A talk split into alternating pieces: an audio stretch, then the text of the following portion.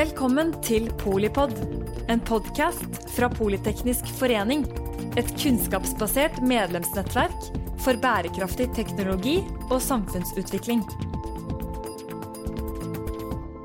Velkommen til Polipod om intraprenørskap og når er det riktig å etablere et nytt eh, selskap. Vi har med oss eh, Berit Svendsen, som er leder for eh, internasjonal satsing i VIPS. Og Jon Kristoffer Knutsen, som er Chief Commercial Officer i Aker Carbon Capture. Jeg må høre litt Alle har jo VIPS, Berit, men før hadde de jo ikke det. Fortell oss hvordan det, dere kom til. Altså, eh, jeg satt jo i styret i DNB på den tiden, så jeg så jo det fra et eh, styreperspektiv, eh, hvordan VIPS ble til. Og allerede i 2012 så lanserte jo svenskene en tjeneste som het Swish, som var et samarbeidsprosjekt mellom de svenske bankene.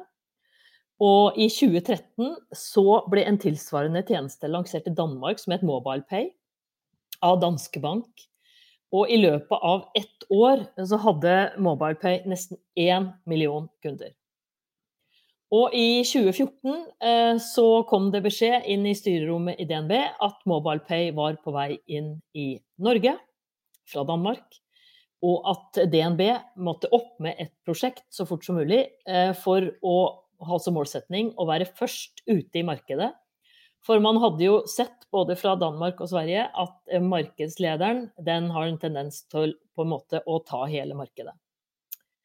Og da ble det altså satt opp et konsernprosjekt i DNB. Eh, de het ikke VIPS til å begynne med, det var bare vi skal tilby en mobil lommebok.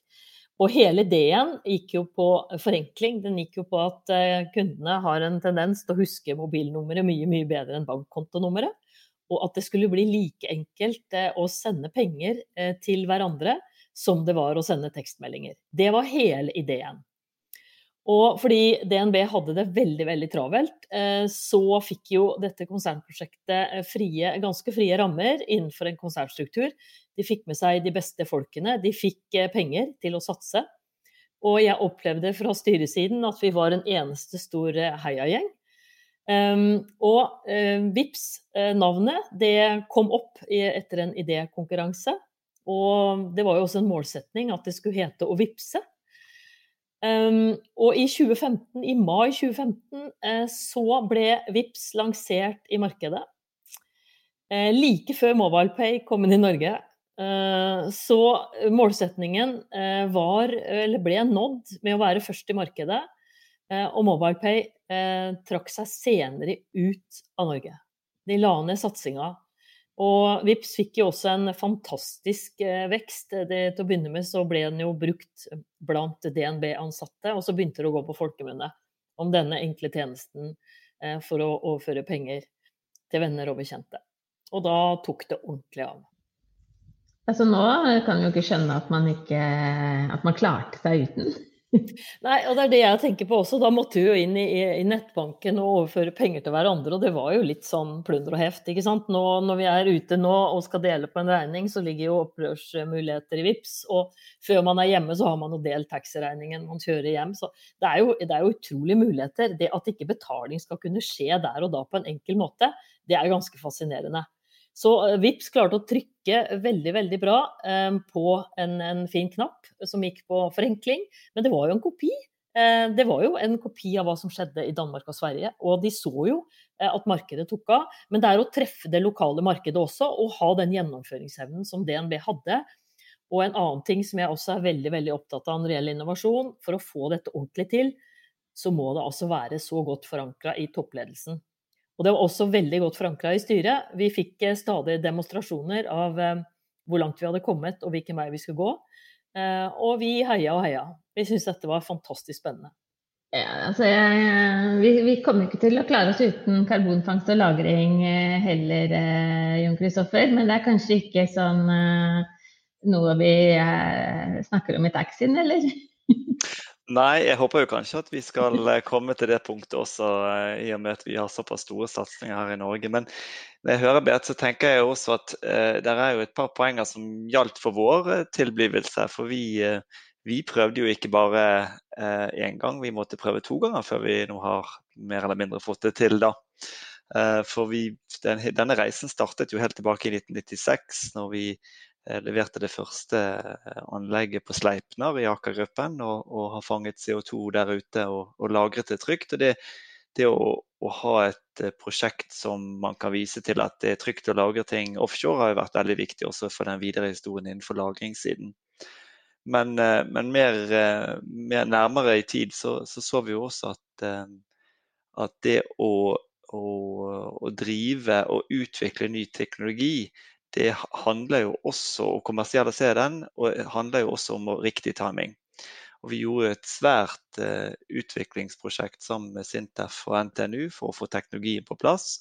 Vi jobbet med myndighetene uh, frem mot uh, leveringen av teknologisenter Mongstad, og, og, på en måte få aksept i samfunnet. Og det var jo også en ganske stor prøvelse med tanke på en del av de utfordringene man hadde på miljøsiden, som man måtte løse i den prosessen frem mot at vi startet opp på, på teknologisenter Mongstad i 2012. Men, eh, men, så så vi jo dette tilbake med timing, fordi eh, så falt markedet sammen. Eh, det ble en pushback, det ble overskridelser. Det ble ikke bare i Norge, men også i UK så vi at det fikk kraftig tilbakeslag. Hele, hele tanken om å lagre CO2 den ble lagt litt på hyllen.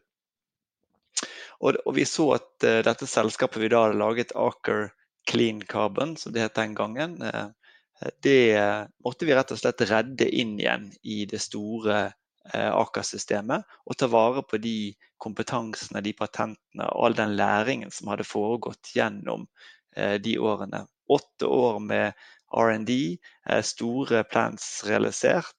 Måtte alt sammen var plutselig ingenting igjen av, for det var ingen aksept i markedet.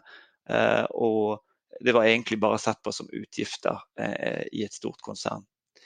Men, men, da kommer vi til dette som jeg tror er veldig viktig i organisasjoner hvor, hvor, det er entreprenørskap involvert. Det er jo dette evnen til å holde på ting og holde ting gående, ta vare på kompetanser.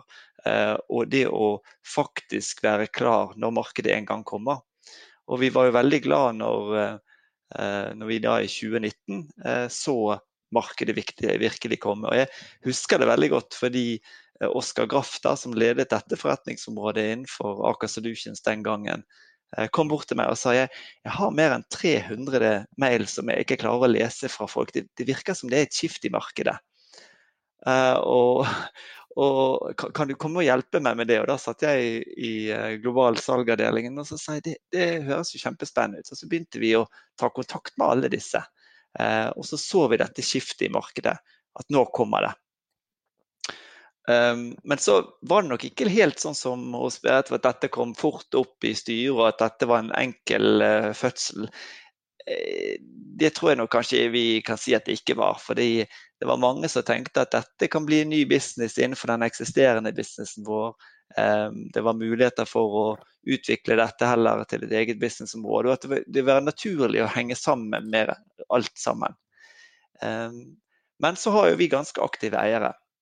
Og det er vel kanskje en del av det som, som preger Aker-gruppen. Det er evnen til å se en mulighet og gjøre noe med den raskt når faktisk timingen er riktig. Vi så det når, eh, når BP, BP, Norge og Aker-gruppen gikk sammen eh, i løpet av bare uker. Klarte å lage Aker BP på en helt ny plattform. Slo sammen oljeselskaper og ble en stor aktør på norsk sokkel. Og vi så det nå igjen da i fjor, da man bestemte seg for å skille av disse selskapene. Og da skjer ting utrolig raskt. Eh, det var ikke en lang overveielse med styrevedtak. Det var en beslutning om å nå må vi gripe sjansen igjen. Nå må vi mobilisere. Og den innsikten også at dette området er så stort at det faktisk har holdt på å si, livets rett alene. Og det er en, en, Jeg tror for mange som har jobbet lenge i store selskaper, det er en tøff beslutning å ta og gi slipp på kanskje en av eh, holdt på å si, de babyene som man har uh, vokst frem. da. Veldig forskjellige reiser da, fra, fra baby til uh, kanskje ungdom nå. Dere er vel begge i, uh, midt i ungdomstida. men, men hvis vi kan se litt sånn strukturert på de plussene og minusene som er knyttet til at, at selskap tar dette intraprenørskapet og, og, og, og, slipper babyen sin ut i, i, den, i det åpne markedet. Få høre litt fra, fra deg, Berit, først rundt rundt eh, Kanskje mest fra, sett fra styrets side, som du eh, hadde erfaring med med etableringen av VIPS. Men kanskje også inn i din egen rolle som da leder og ansvarlig for å skulle skalere dette. Eh, når, når, tatt, når dere hadde tatt Danmark og Sverige? Få høre. Altså, det er jo mange hensyn som må, må tas eh, når man eventuelt skal skille ut et selskap. Hvorfor skal man gjøre det?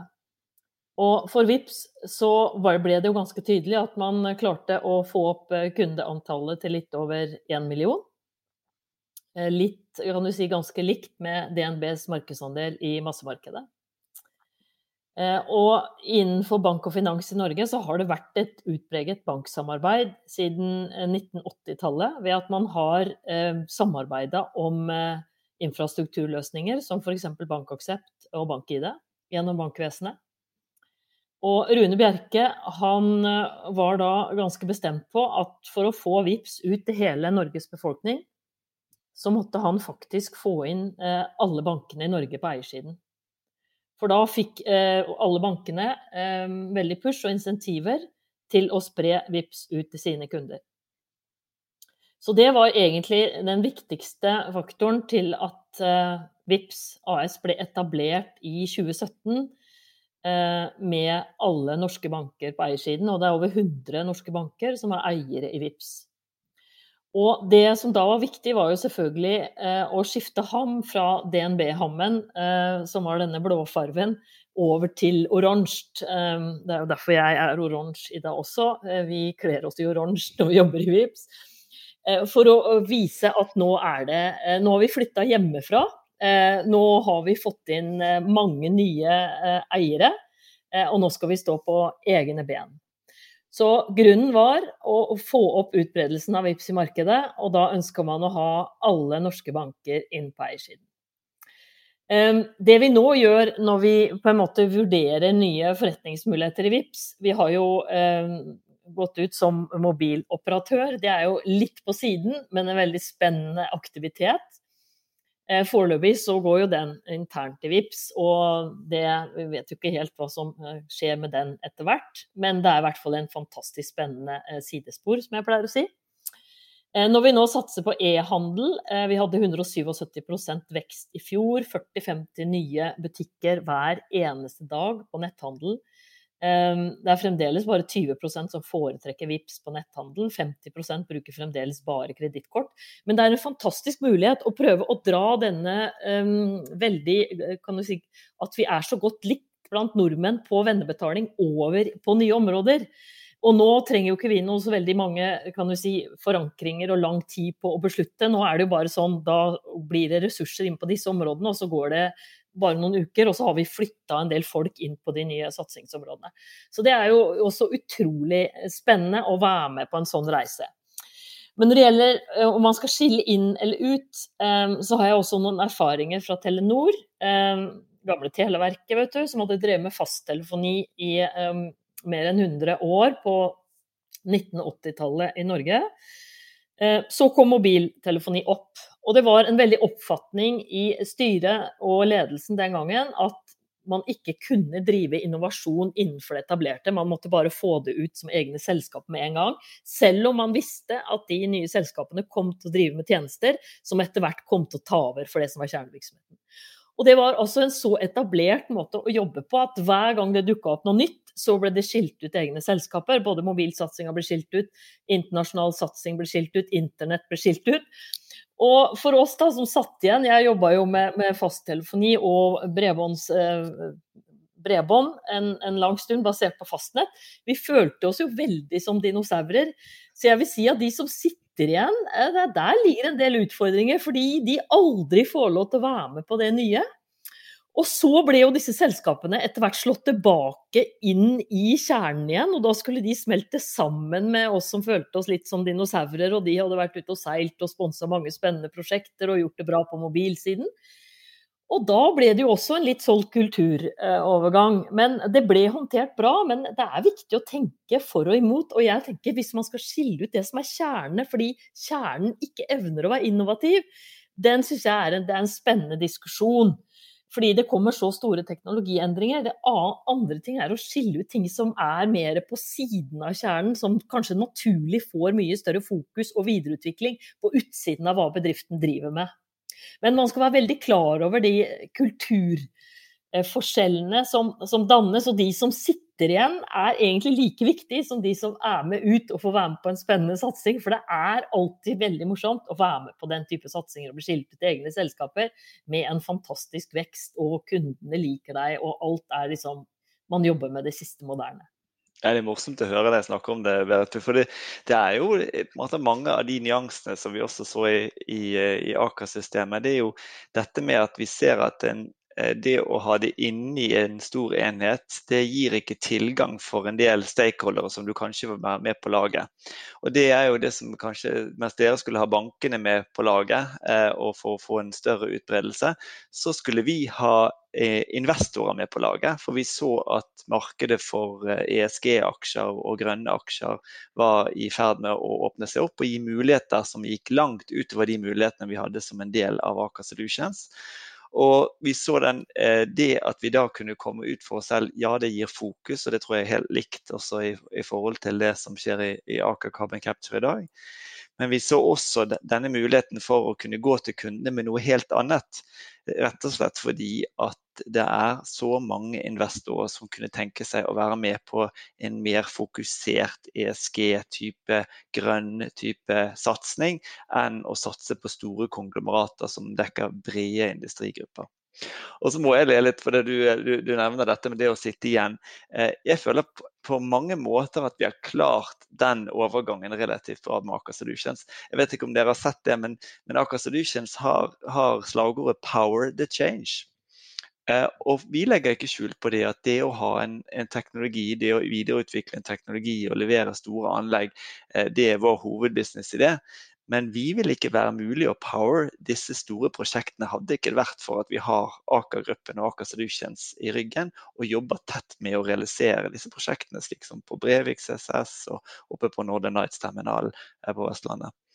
Eh, så det å gjøre eh, holdt jeg på å si, dinosauren eh, til noe som er den store muskel egentlig som, som, står bak, og som gjør at du kan liksom, eh, bokse over den vektklassen du ellers ville vært i som et eget lite selskap. Det har jeg veldig tro på. Det tror jeg kanskje er en av de viktigste eh, tingene vi har sett når vi nå har etablert dette som et eget selskap. At folk anser oss som en stor Eh, kraftig aktør i markedet som kan levere kjempestore prosjekter. Og en situasjon som vi aldri ville vært i, hadde ikke det vært for at vi hadde den holdt på å si, gruppen rundt oss som danner på en måte støtteapparatet i den fasen hvor du, du, er jo bare 30 pluss ansatte, og nå er vi 100-150 innleide nede på Brevik. Men det er jo fremdeles et veldig lite selskap kontra 16 000 i Aker Solutions. Da. Nei, men jeg er helt, helt enig med deg. Det er, eh, det er, viktig, eh, og særlig eh, jeg tenker tilbake på den tiden i, Televerket også, når man begynte med så mange ting som krevde en helt annen fokus.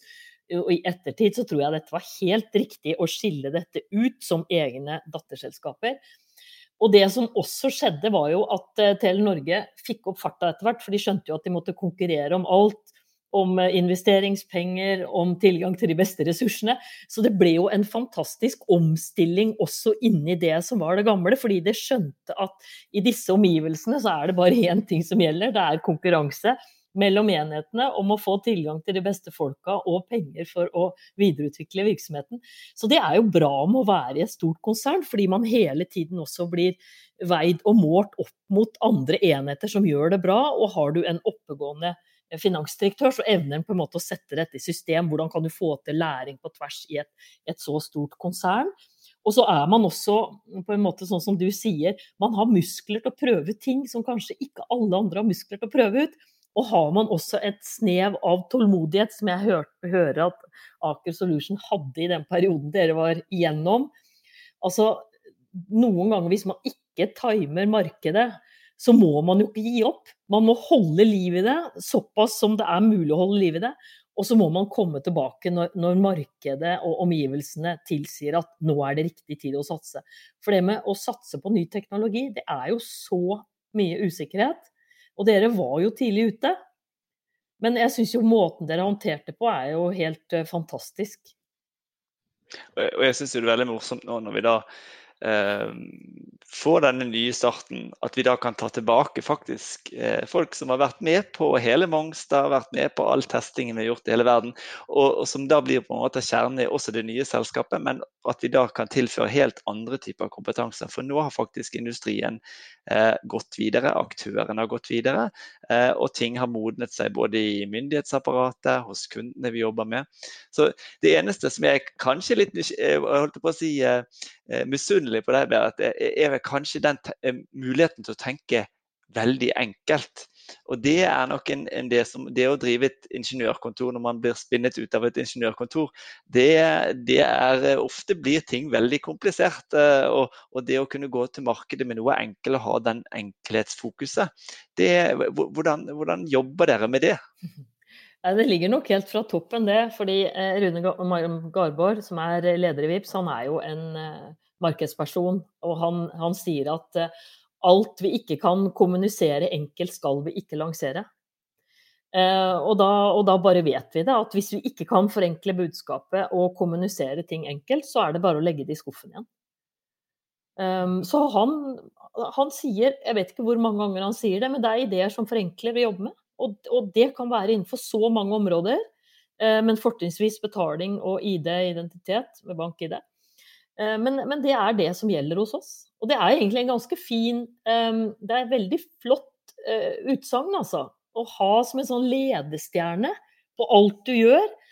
Altså, du kan skape revolusjon med teknologier, og du kan gjøre helt fantastiske ting. Men det som forenkler, det er jo det kunden vil ha. Og så jobber jo, Jeg må jo med all respekt si at jeg trodde telekom var vanskelig. Nå hadde jeg jo 30 års erfaring der, så jeg kunne det ganske godt. Men betaling og ID, eh, elektronisk ID, eh, der er det altså så mange aktører, så utrolig vekst, men så kompliserte verdikjeder at det er ikke noe bedre sted å bruke en sånn visjon som ideen som forenkler innenfor denne industrien vi jobber innenfor. Men det er jo akkurat det samme vi prøver å gjøre på mobilsiden. Det er egentlig ofte det beste, da, men eh, jeg vet ikke hva du tenker rundt dette med å forenkle ja, karbonrensing? Ja, jeg må jo si at vi har gått litt frem og tilbake der. Eh, vi, vi har gjort anleggene enklere, de ser, de ser, mindre kompliserte ut. Eh, det kan fremdeles ganske mye kompleksitet rundt det. Men, men, den eh, biten som vi nå jobber med, er å se på hvordan vi kan forenkle dette inn mot beslutningstakere.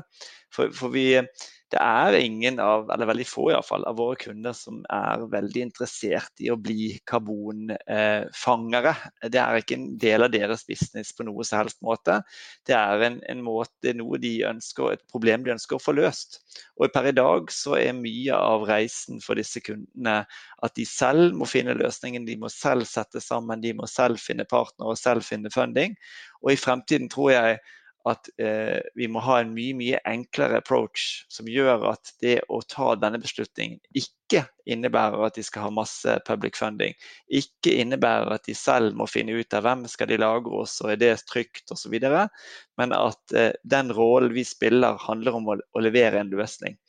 Og, og, og, der tror jeg på en måte vi kan dra, dra veksler på, på måte, den, den eh, endringen som har foregått f.eks. For i, i softwareindustrien, hvor tidligere så kunne du laste ned eh, Adobe og ha det i ti år og jobbe med foto. I dag kan du nesten ikke få tak i Adobe hvis ikke det er as a service og levert som en, en, en, tjeneste du abonnerer på, og som er kanskje litt rimeligere i begynnelsen, men etter hvert så eh, vil du sikkert ha forbedringer osv., og, så videre, og så drar det deg inn i et, et økosystem. Og jeg, jeg tror jo eh, en av de store mulighetene våre forover etter å, å få den teknologien inn i et relativt kompleks eh, materie av store CapEx-prosjekter.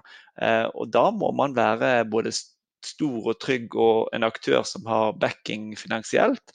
Men man må også tenke annerledes i forhold til litt sånn som Vips sier, å, tenke enkelt nok til at det kan bli praktisk i hverdagen.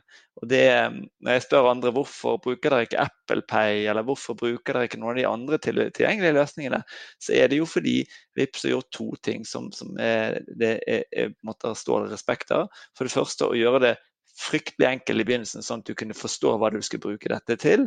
Og det andre er å, å eh, måtte kunne tilby noe som eh, ikke krever at du behøver være teknolog for å få det til. Og eh, jeg, tenker, jeg, gleder meg til den dagen for å si det sånn, at jeg kan tilby noe som krever at du ikke bør ikke være ingeniørutdannet for at du skal kunne ta beslutningen om å, eh, å redusere dine utslipp eh, fra, fra, bedriften din.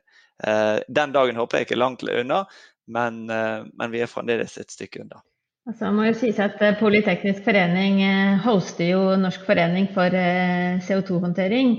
Og på en sen kveld eller når vi, når vi, ser langt frem, så ser vi jo for oss at vi ikke er, er de som leverer skytjenester, men vi, vi, renser skyen for deg. Og, og det skjer med, med type sånn klikk og hent.